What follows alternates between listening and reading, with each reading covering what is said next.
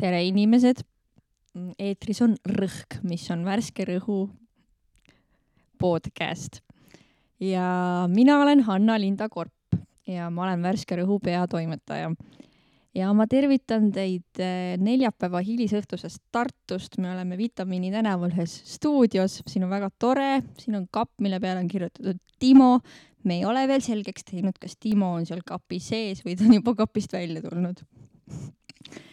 Aga täna me räägime sellest, mis mis oli kirjandus aastal kaks tuhat kakskümmend üks. Ja minuga on siin äh, Saara-Lotta Linno, kes on äh, meile eelmisel aastal kirjutanud mitmel korral erinevaid tekste ja kes õpib Tartu Ülikoolis maailmakirjanduse magistratuuris vastab tõele, tere ja siin on meil ka Joosep Vesselov, kes on Värske Rõhu üsna värske proosatoimetaja ja kes on samuti eelmisel aastal Värskes Rõhus tekste avaldanud.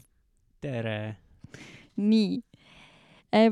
olgu öeldud, et see saade eh, proovib matkida Meelis Oidsalu podcasti Silt viltu ja teadagi Silt viltu on saade, kus ei räägita väga mm, äh, kuidas seda öelda nüüd, ei peeta väga teemadest kinni, vaid lihtsalt lobisetakse ja kuna minu põhiline tegevusala siin elus ongi lobisemine, siis ma katsun seda traditsiooni jätkata. Ja, ja olgu öeldud ka seda, et me ei kavatse selles saates rääkida kõikidest eelmisel aastal loetud raamatutest või ainult raamatutest, mis ilmusid aastal kaks tuhat kakskümmend üks Eesti Vabariigi pinnal see, see ei ole meie eesmärk, sellepärast et äh, kirjandus on suur ja lai nähtus ja kirjandus ei hõlma endas ainult raamatuid, vaid ka kõike muud, vot. ja minu nagu üks, üks suur mõte siin taga ongi see, et kuidas üldse kirjandusest rääkida. kuidas te tavaliselt kirjandusest räägite, mis kontekstides te seda teete? ja mil moel ja kas see õnnestub? no kuna ma õpin maailmakirjandust, siis ma kõnelen kirjandusest enamjaolt akadeemilises kontekstis või siukses poolakadeemilises kontekstis. nagu värske rõhu lugejad teavad, siis äh, Tartu Ülikoolis tegutseb kirjandusring Ellips, mis on minu jaoks kõige toredam koht, kus kirjandusest rääkida, mul on tunne, see õnnestub seal väga hästi. miks? sellepärast, et äh, ma arvan, sellepärast, et meil on nagu noh, kuna seal käivad äh, tudengid, kellel on vähemalt mingil määral ühine sõnavara, et äh, kirjandusnähtuseid kirjeldada, siis me enamjaolt saame üksteisest aru mis mm -hmm. on mhm. nagu hea eeldus hea pind, millelt kirjandusest rääkida. ja ma arvan, et see on põhiline mm. -hmm. Joosep äh,? ma töötan ka raamatupoes, nii et päris palju minu kirjandusdiskursusest on soovitamine. et tuleb klient, kes otsib oma vanaemale raamatut, ei tea, mida on lugenud, ei tea, mis meeldib, ja siis ma pean välja mõtlema, mis võiks meeldida. ja kuidas see sul õnnestub? no ma lihtsalt soovitan raamatuid, mis mulle meeldivad ja loodan, et need meeldivad kõigile. kõige rohkem ma olen soovitanud Äh, eelmisel aastal soovitasin Vaimupaika kõigile. kahtlemata, see on ka edetabelites esikohal olnud juba mitmeid kuid. tänu mulle tänu Joosep Vesselovile biblioteegist. kõik mu Goodreadsi sõbrad loevad seda samuti. ja värske rõhu kahes järjestikuses numbris soovitati seda lugeda, nii et võib-olla peaks isegi kätte võtma mm. -hmm. ma mõtlen nagu selle teemaga seoses seda, et et vahepeal mulle tundub, et kirjandusest saab kirjutada paremini kui rääkida. jaa, mul on ka sihuke tunne. ma olen ise tõenäoliselt suurem kirjutaja kui rääkida just selle poolest, kuidas ma eelistan kirjandusest mõelda. aga nagu ma ei tea, kirjutades on see probleem tavaliselt, et, et mingisugune klassikaline nägemus kirja, kirjutamisest on see, et sa istud üksinda ja siis sa kirjutad oma asja valmis ja siis toimetaja võib-olla ütleb sulle mingit tagasisidet, mingit sisulist tagasisidet. kui sa kirjutad värskesse rõhku, siis kindlasti ütleb ja see on väga tore. aga rääkides õnnestub nagu oma, oma maailmast veits rohkem välja tungida. See on väga vajalik. mm. -hmm. niikuinii oleme ilged individualistid, ma eeldan. Mm -hmm. ja mõistan. jah, ma ei oska nagu kirjandusest rääkida vabalt. mul on vaja natuke mõelda enne, mis ma ütlen. et mulle Mhm. meeldibki just ainult kirjutada. no siis on hea, et me siin saates kõik koos oleme, väga hea. sest ka mina tunnen, et kirjandusest on kergem kirjutada kui rääkida või või, või rääkida saab nagu kirjanduskogemusest või sellest, kuidas, kuidas mingi asi sind võib-olla afektiivsel tasandil on mõjutanud, aga väga raske on rääkida nii-öelda objektiivset juttu kirjandusest mm. -hmm. argisituatsioonis ilma ettevalmistuseta. oh aga, aga kas läinud aastal eh,, kas te oleksite tahtnud nagu mingi, mingil muul moel veel kirjandusest rääkida või kirjandusest mõelda?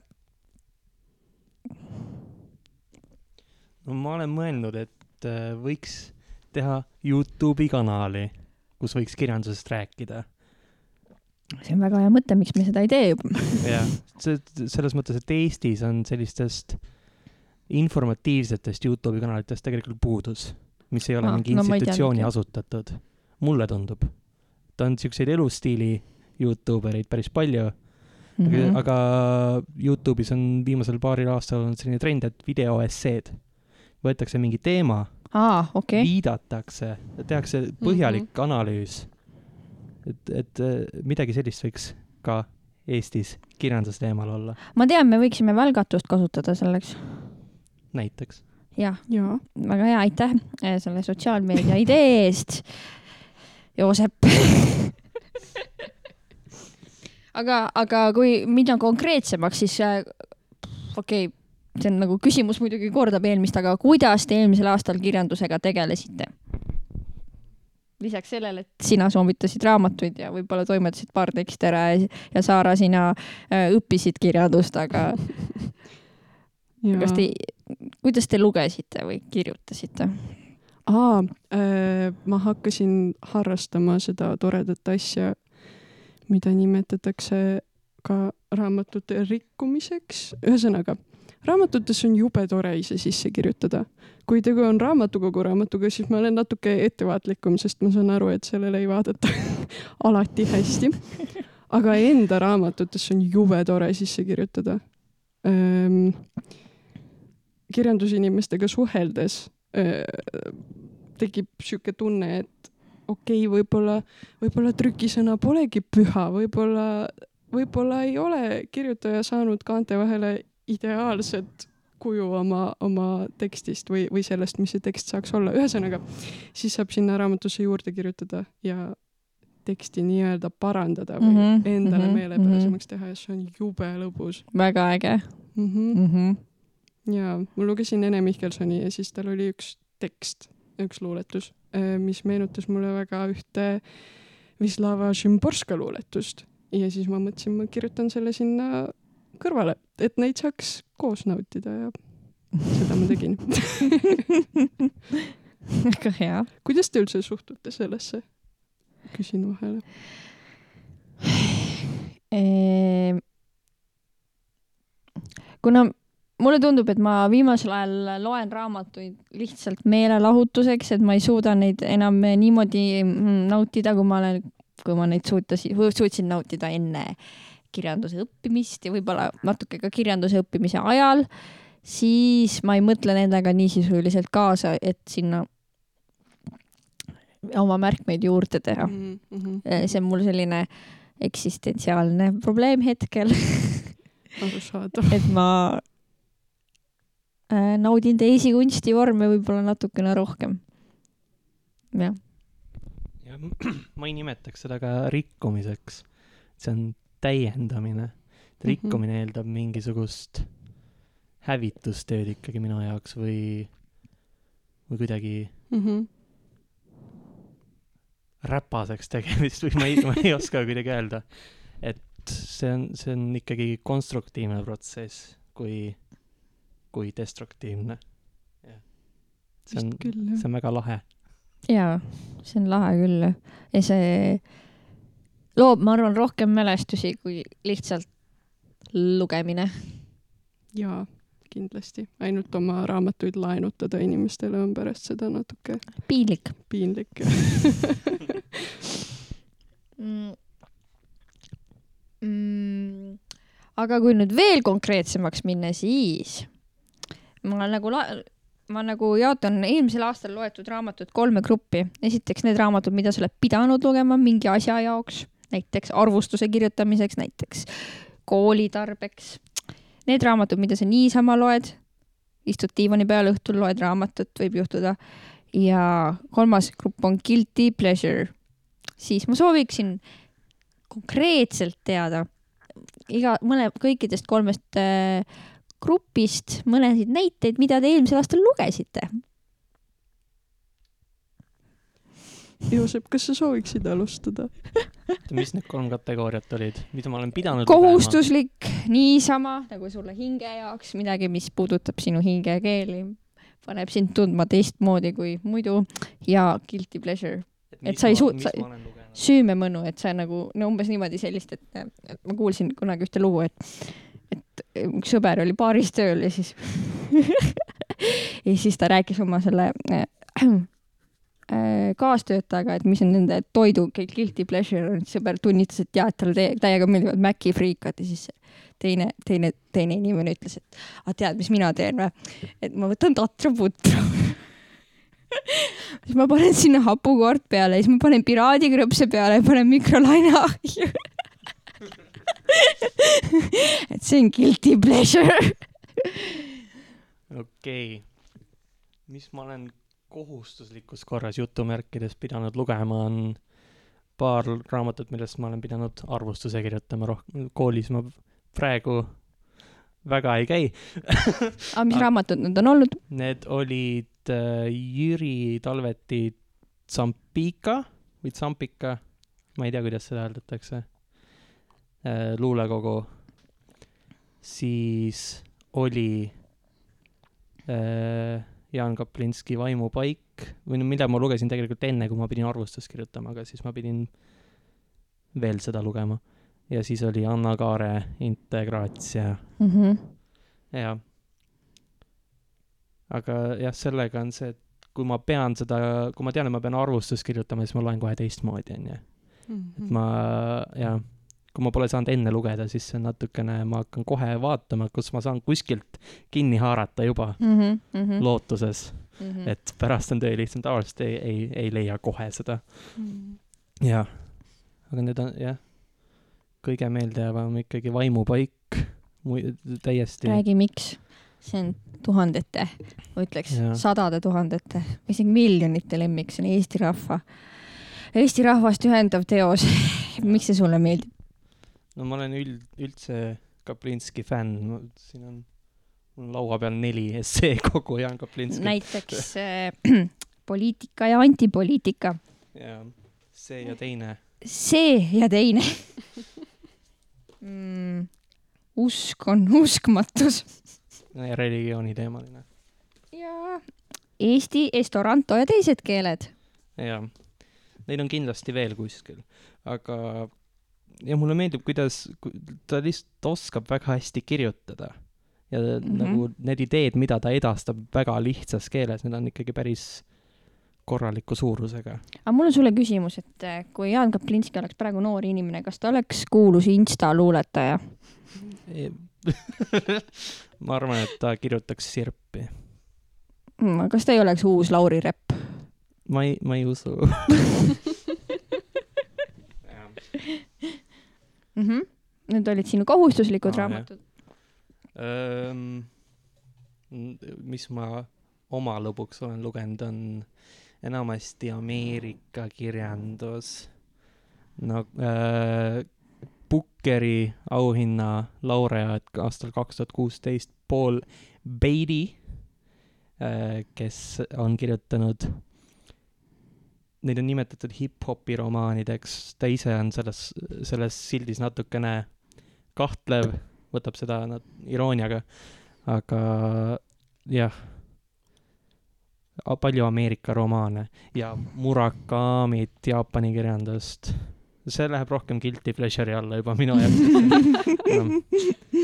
see, see on, see piir on seal na- natuke ajaviitekirjandus juba, natukene mm. -hmm. -hmm. huvitav, tal on huvitavad mõtted, aga see on nagu sihuke lihtne lugemine ikkagi. ja, Mm -hmm. kas siin Murakami puhul ei häiri see, kuidas ta naisi kujutab? väga häirib jah, aga noh mis mis sa ära teed? või nagu väga palju on siukseid raamatuid, kus on naisi väga kahtlaselt kujutatud. jah, ega ma ei kiida seda heaks, aga mm -hmm. Mhm. ma lihtsalt panen ühe silma kinni ja loen edasi, mm. -hmm. jah. Mm -hmm. Ameerika kirjandus ja siis Guilty Pleasure'i alla siis sa paigutadki Murakami ma arvan, et sinna midagi muud ei ole paigutada jah, väga mm. -hmm. aga kui sa näiteks internetist loed tekste, kas see ei lähe kirjanduse alla? mm,. no ma loen seal põhiliselt kommentaare. see ei, ei, daamid ja härrad, kommentaarid on ka kirjandus. nojah, okei okay.. nojah, siis ma osalen ka seal kirjanduses. jah, Mhm. väga tuliselt. tore, mul on hea meel.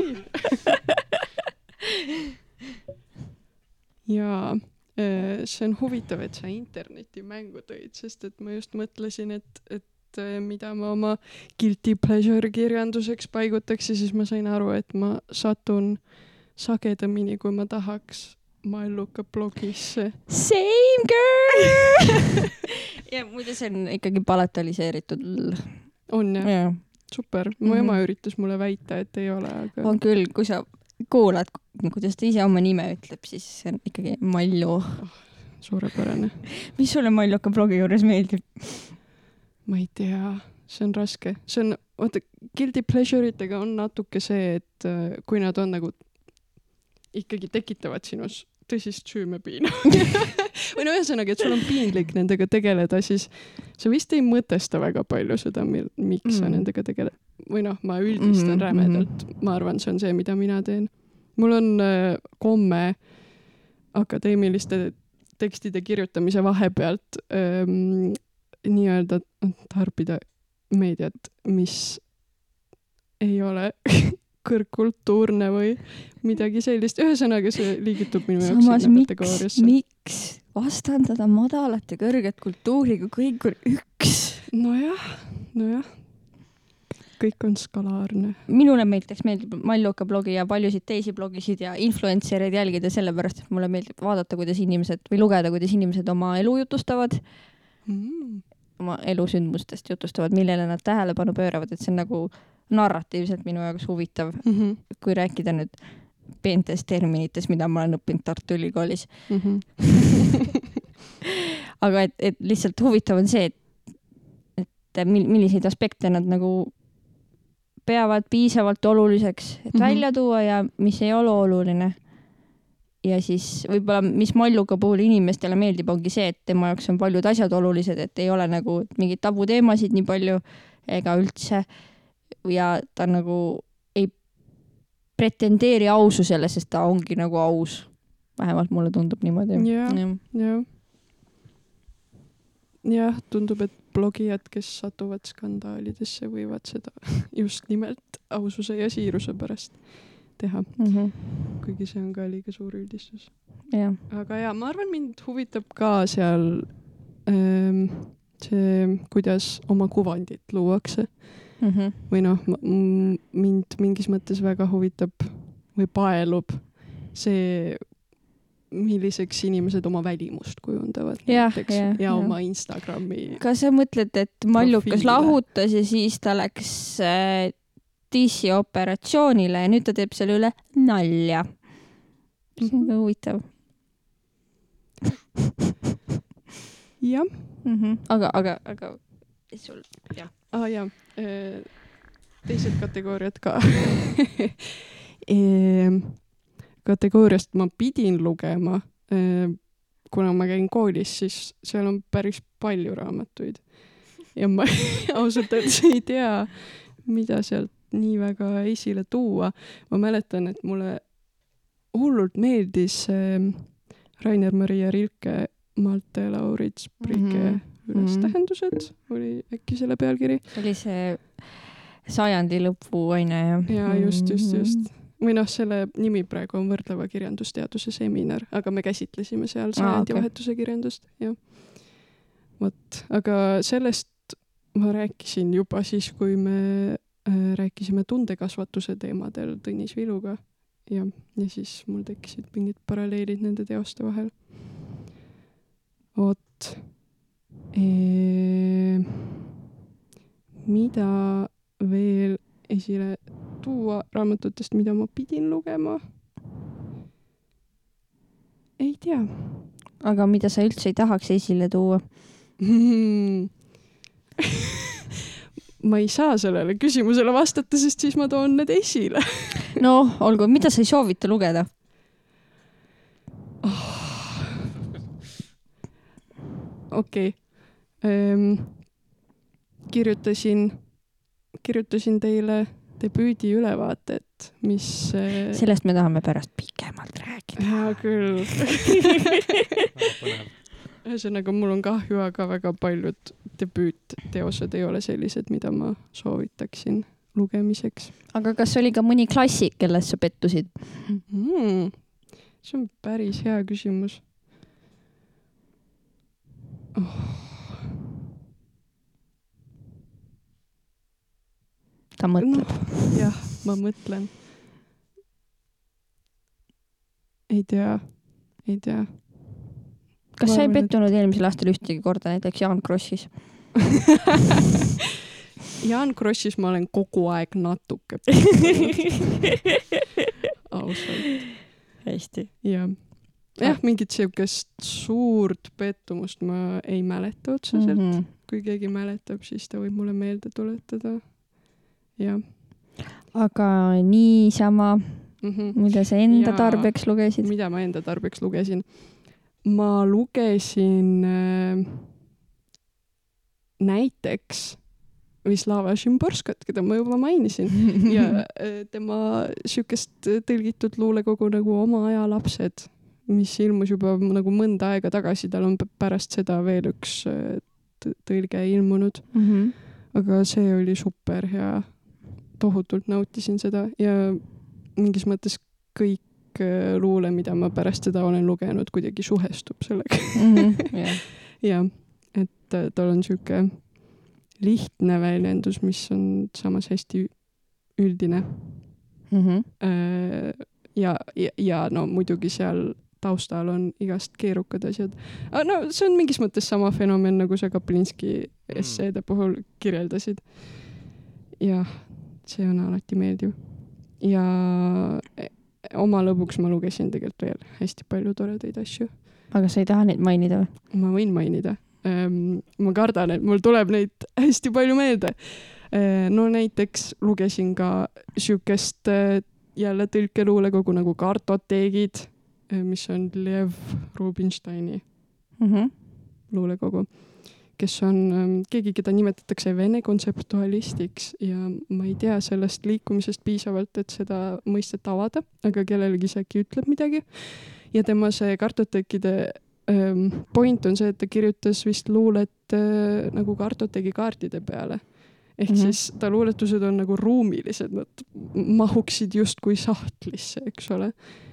Äh, ja seal tõlkeluulekogus nad on trükitud siukse nummerdatud loeteluna mm. -hmm. ja see tekitab igast huvitavaid tähendusmänge, et sa hakkad mõtlema, et kas ta nüüd, ähm, kas ta nüüd kategoriseerib neid tekste, mis ta sinna numbrite taha paigutab, äh, neid lauseid või äh, ta kuidagi läheb nende kaudu järjest sügavamale mingisse teemasse, mis ta käsitleb.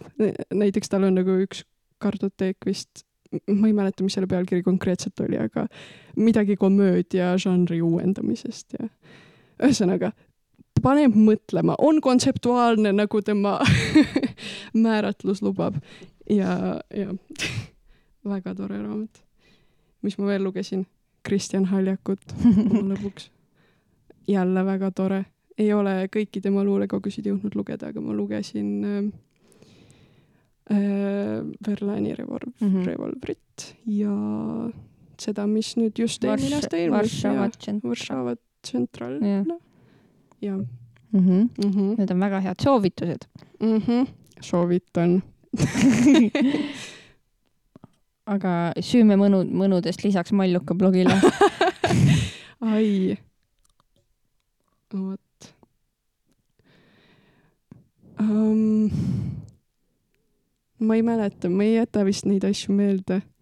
jah, ma süümemõnuna scroll in Instagramis ka tõenäoliselt. jaa, noh, see läheb Jah. sinna alla või loomulikult. Redditis oh,. mis Redditis sa oled? mm,. Um, Stardew Valley, ühe, ühe farmi pidamismängu foorumil. mis su kasutaja nimi on?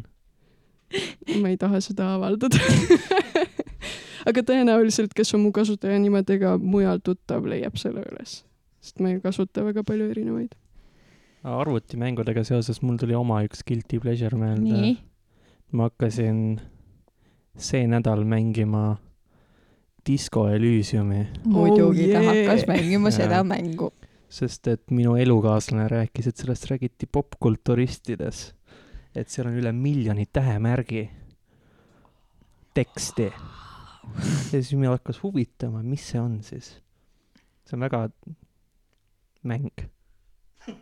see on väga mäng. ja Jaa., ja seda tõlgiti just eesti keelde ka, nii et seda saab varsti eesti keeles mäng- Tõesti? mängida. Ja Liisi tõlkis, meie keeletoimetaja. Liisi Rünkla. väga cool. ja. see on väga postmodernistlik, Mhm. väga, väga aga kuidas see sinu alateadvusele mõjub? Alateadvusele mm. -hmm. no see mõjub niimoodi, et ma teen kell üheksa õhtul selle mängu lahti ja siis ma avastan kell neli öösel, et ma mängin ikka veel. et see no, ei mõju see mõjub sinu aja, ajagraafikule nagu niimoodi, aga, aga alateadvusele. no mul vist lülitub välja selleks ajaks, mulle aga tundub. pärast, pärast ma lähen magama. ja sa ei mõtle sellele. ja sa ei mõtle sellele, vabal ajal Jah.. ei, on mänguaeg ja siis on muu aeg jah. ma Jah. ja. ütlen, see on guilty pleasure itele Mhm. omane ju. Jaa, jaa.. mul vist eh, on niimoodi, et kui ma tegelen guilty pleasure itega, siis probleem ongi selles, et ma mõtlen nendele ka muul ajal. näiteks kui ma mõtlen mingitele influencer itele, siis, siis nad tulevad mulle pähe ka teistel aegadel. ja see on halb. väga halb. Mina eelmisel aastal arvustasin täpselt ühte raamatut, selle, selleks oli Elo Viidingu Mina kõnelen kirjandusest. ei, kahte, oota-oota, No More Emberit ka. jaa.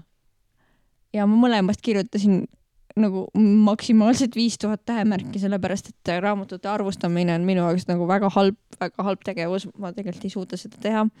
ma olen sees praegu kaks arvustust, loomingusse ma olen sees Martin Alguse paranemise ja keeltekirjandusse ma pean kirjutama Kätlin Kaldma hundi taltsutamisest. ma olen neid lugenud, mulle meeldivad need raamatud, aga ma ei ole kindel, kas ma olen võimeline neist kirjutama kohustuslikus või siis töökorras ma lugesin läbi kõik kuus värske rõhu numbrit, et umbes kolmsada kuni nelisada korda igat numbrit. tehke ise oma arvutused.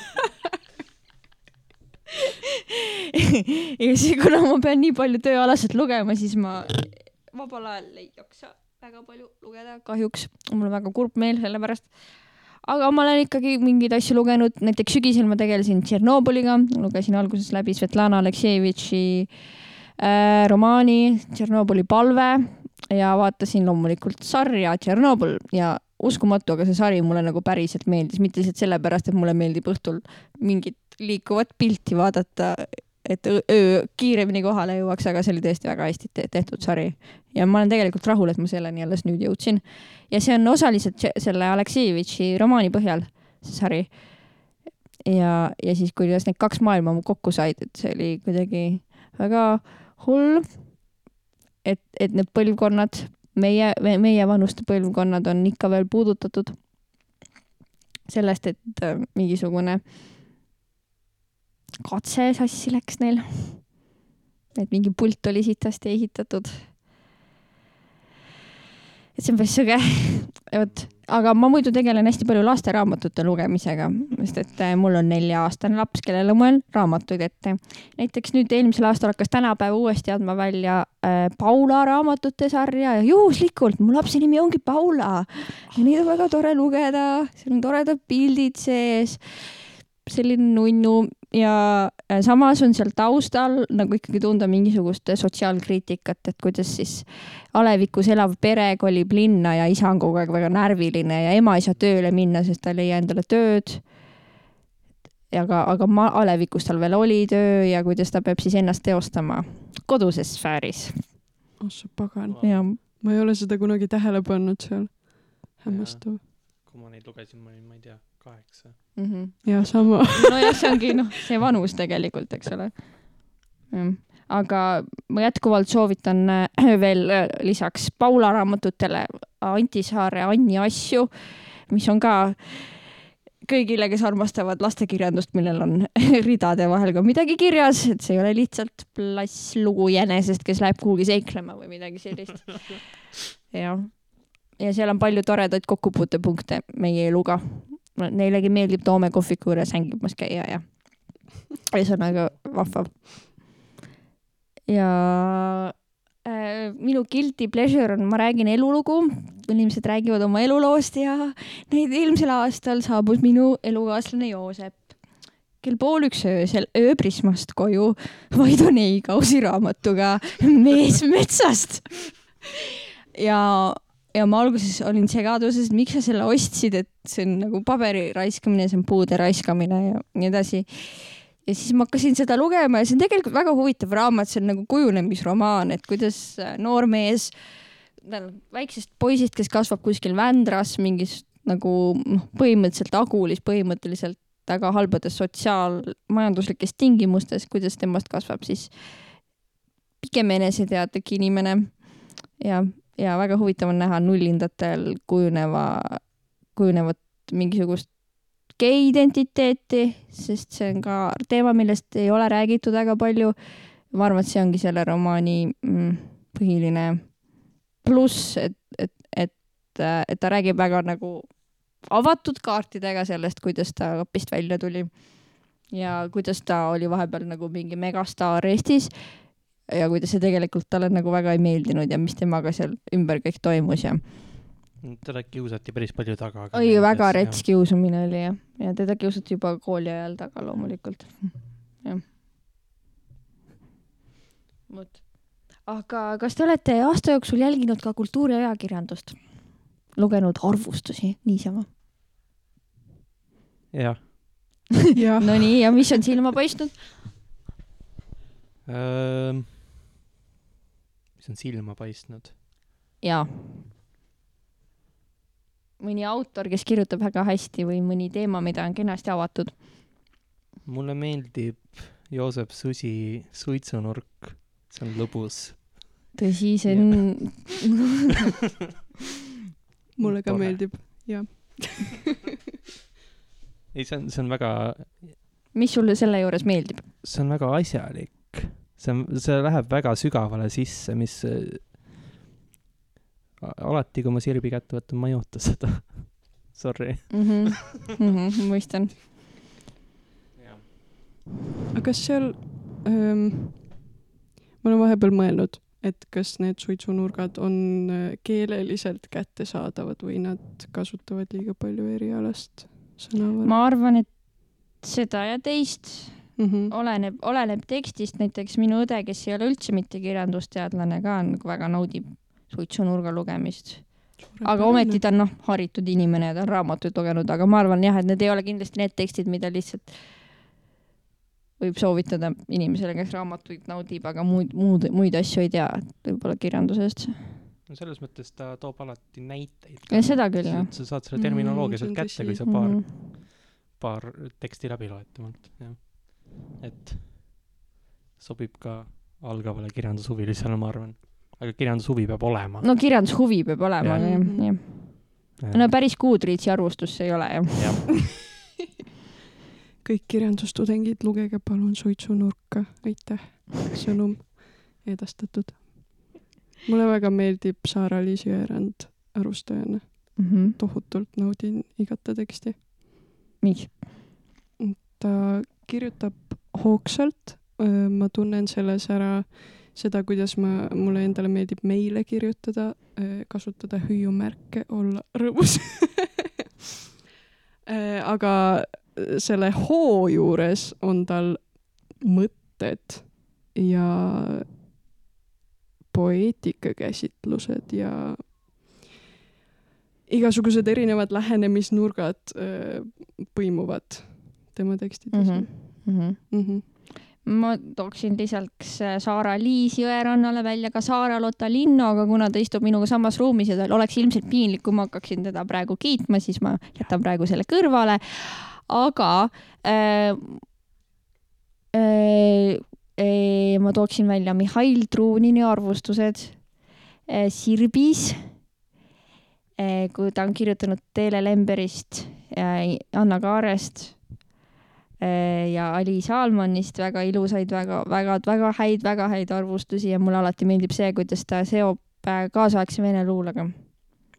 ja nüüd võiks vahelduseks kuulata midagi, mis on ka nagu natukene võõras keeles. Saaral on väga huvitav laul kaasas.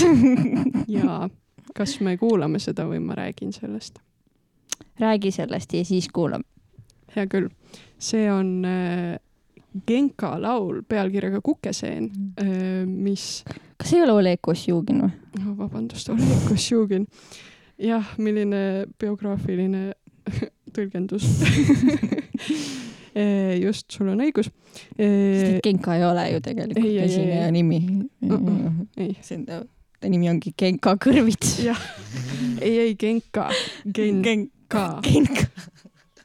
ühesõnaga laulus põimitakse soome ja eesti keelt ja see on hullult lõbus. Davai, kuulame.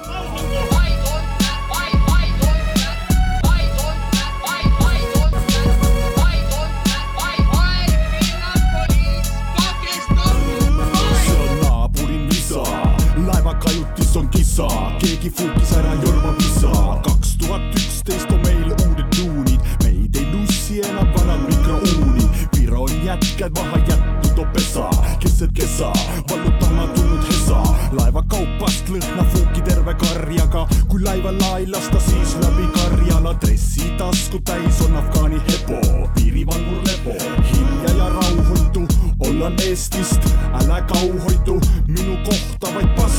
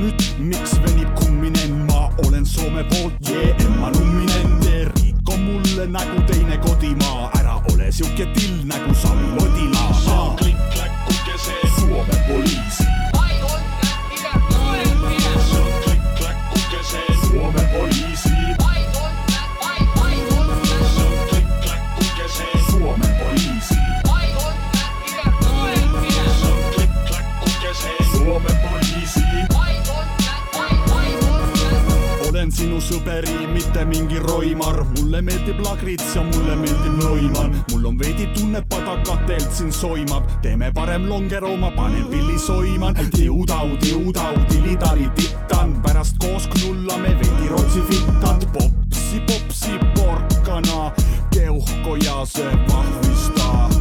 Pahv, pahv, pong-pong, läinud on laevaga, jäänud on rong. nii palju uudiseid ja sää, oi plää, eestlane ollaan uhke ja hää. Suomen poliisi,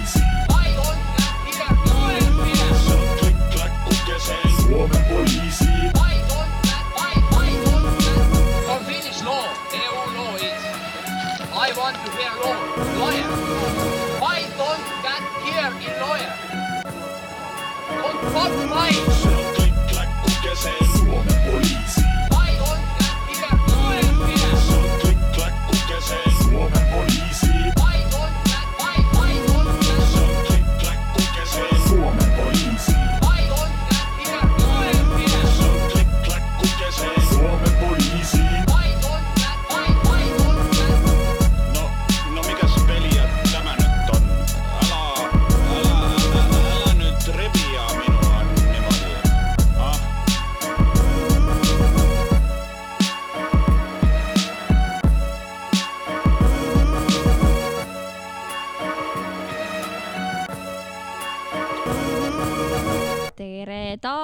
taas, me kuulasime Oleg Ossiuginit ja te kuulate Rõhku.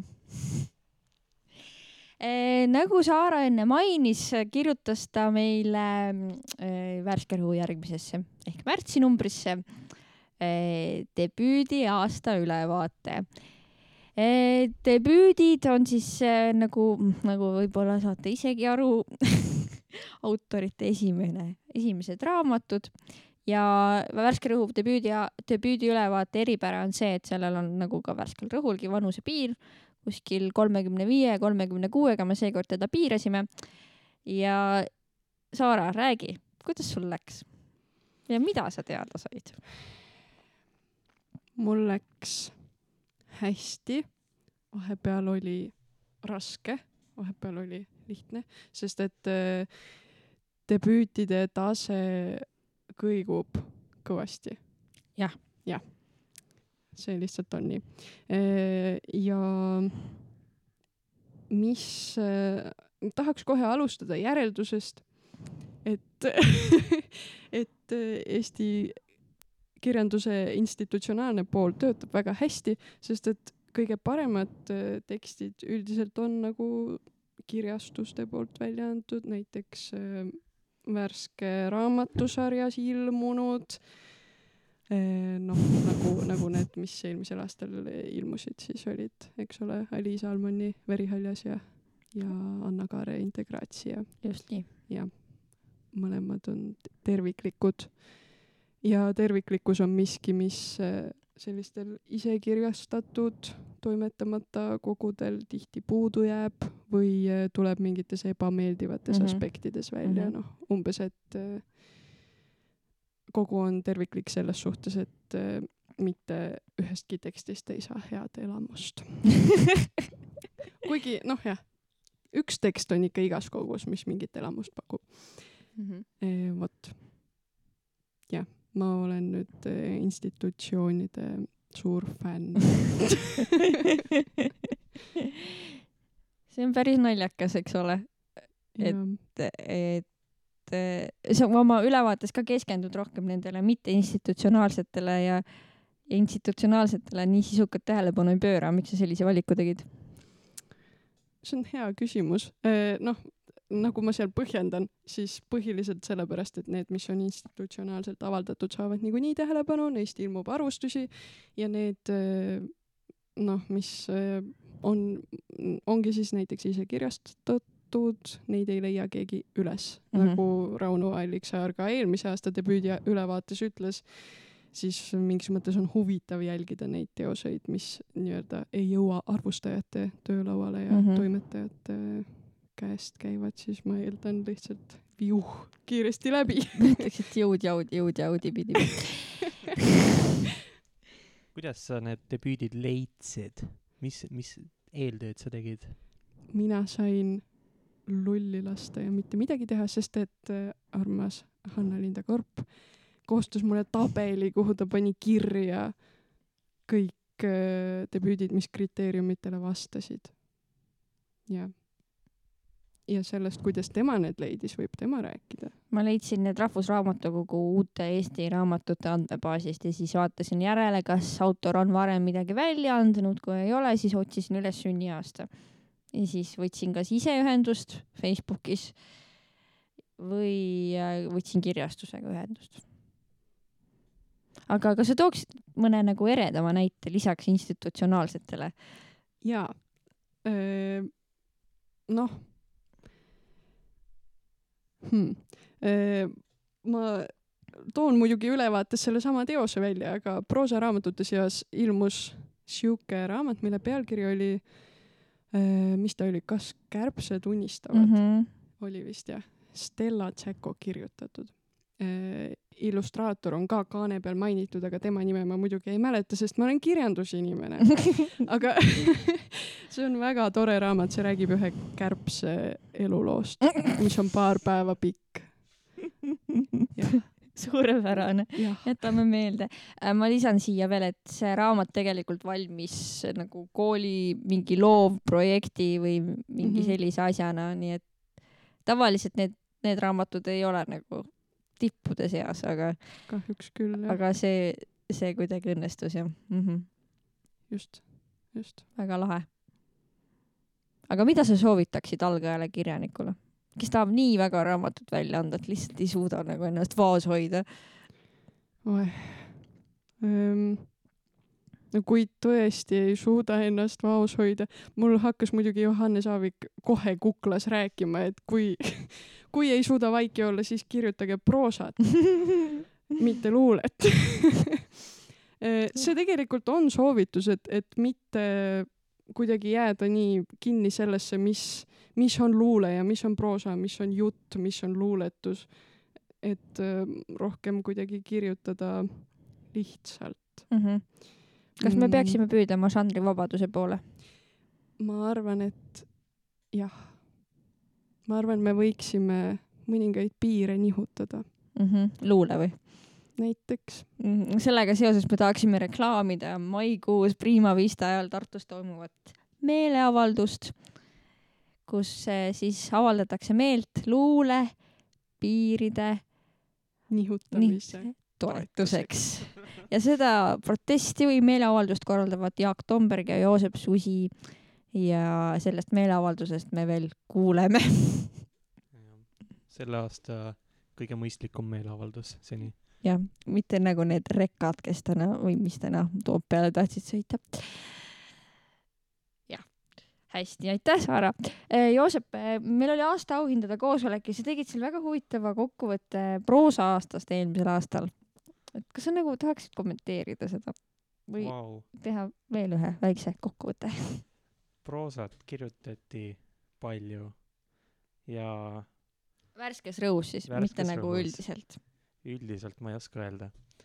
aga jah, autoreid oli igast vanusest se- seitsmeteistkümnest kolmekümne viieni, aga huvitav tähelepanek, mis ma avastasin, oli see, et oli hästi palju seda, et kirjutati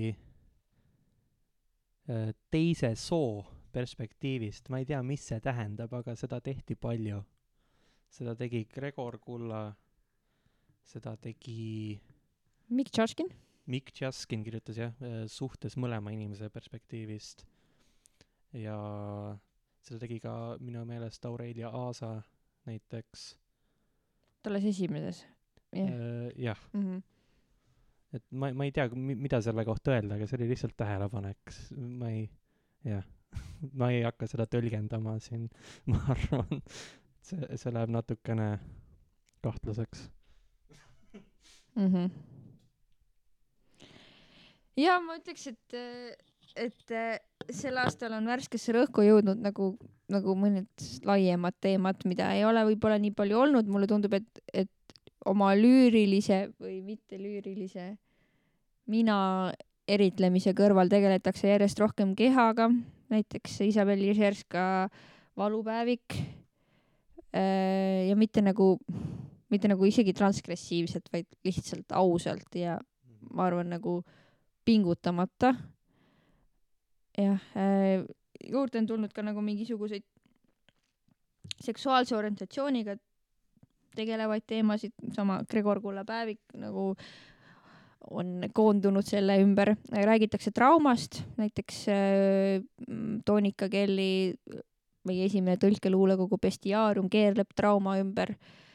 samas ka Kelly Kiipuse Isa käed, mis ilmusid meil vast augusti numbris, et äh, Sanna Kartau luuletused, et need on tulnud nagu vei- natuke jõulisemalt sisse, kui enne olid. mulle tundub, et lihtsalt mida, mingisugune sagedus on selle koha pealt vahetunud, samal ajal mulle tundub, et on juurde tulnud just nimelt nooremate autorite tekstides mingit sürrealismi ja see on väga äge, näiteks Emma Kogoleva ja, ja Riste Sofia Kääri tekstid paistavad selles osas ägedasti, ägedalt silma. proosast Marta Talvet ja kes oli veel, kes oli veel, keegi oli veel?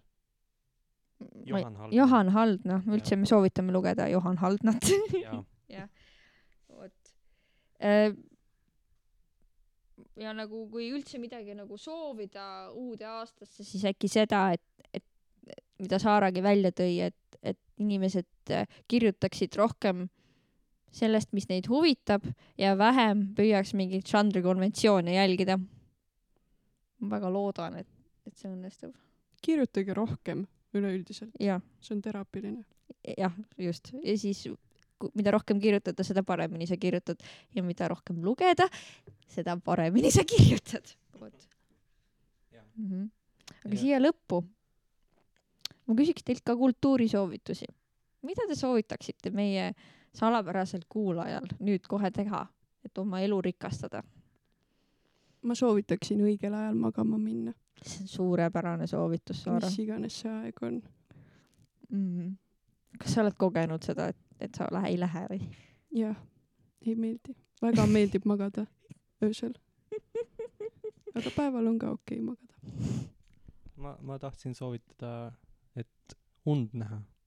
nii et äh, jah, seda saab, saate harrastada kohe pärast selle saate kuulamist, ma ei tea, mis kell te kuulate seda. saade läheb eetrisse kell kolm, nii et kella neljast või ja kellast neljast viieni võite und vaadata. aga mina soovitan vaadata Von Krahli teatris Lauri Laglea va- lavastust Sa oled täna ilusam kui homme. ma käisin seda vaatamas äh, eelmisel laupäeval Tallinnas ja see oli täiesti rets andmine, põhimõtteliselt kaks tundi kakskümmend minutit, nad lugesid luuletusi ette. see oli väga luulepiire avardav sündmus minu jaoks ja selle lavastuse top tier luud oli Marika Vaarik. ma lihtsalt annan kõik preemiad talle, kuigi ta juba sai need preemiad, aga ma annan talle veel mõned preemiad, aitäh, Marika. see oli suurepärane, mida sa seal tegid. ja järgmised äh, Sa oled täna ilusama, ilusam kui homme lavastused on maikuus, nii et teil on võimalus endale piletid osta, see on lihtsalt täiesti haigelt aju ava- avardav kogemus, pluss pärast selle vaatamist me sõitsime läbi tohutu lumetormi äh, tagasi maale ja see kogemus oli nii füüsiline ja see tagasisõit autoga mööda Peterburi maanteed, kui nähtavust, nähtavust oli mingi kakskümmend viis sentimeetrit ja lumevallid olid reaalselt poole meetri pikkused, see oli nagu hull nagu, kui ma jõudsin koju, ma olin lihtsalt nagu what? Ma loodan, et kallid raadiokuulajad, teil on meiega lõbus olnud ja et teil on järgmisel aastal või noh, käesoleval aastal selliseid füüsilisi kogemusi veel. aitäh. aitäh, Saara, aitäh, Joosep. aitäh, Anna, aitäh, Joosep. aitäh. mina ei taha veel magama jääda, ei maga ka veel. kisu käib õues, tuld tuhiseb mööda, ei maga ka veel. ema on köögis ja askeldab alles, ei maga ka veel tänav ei maga ja autod ei maga,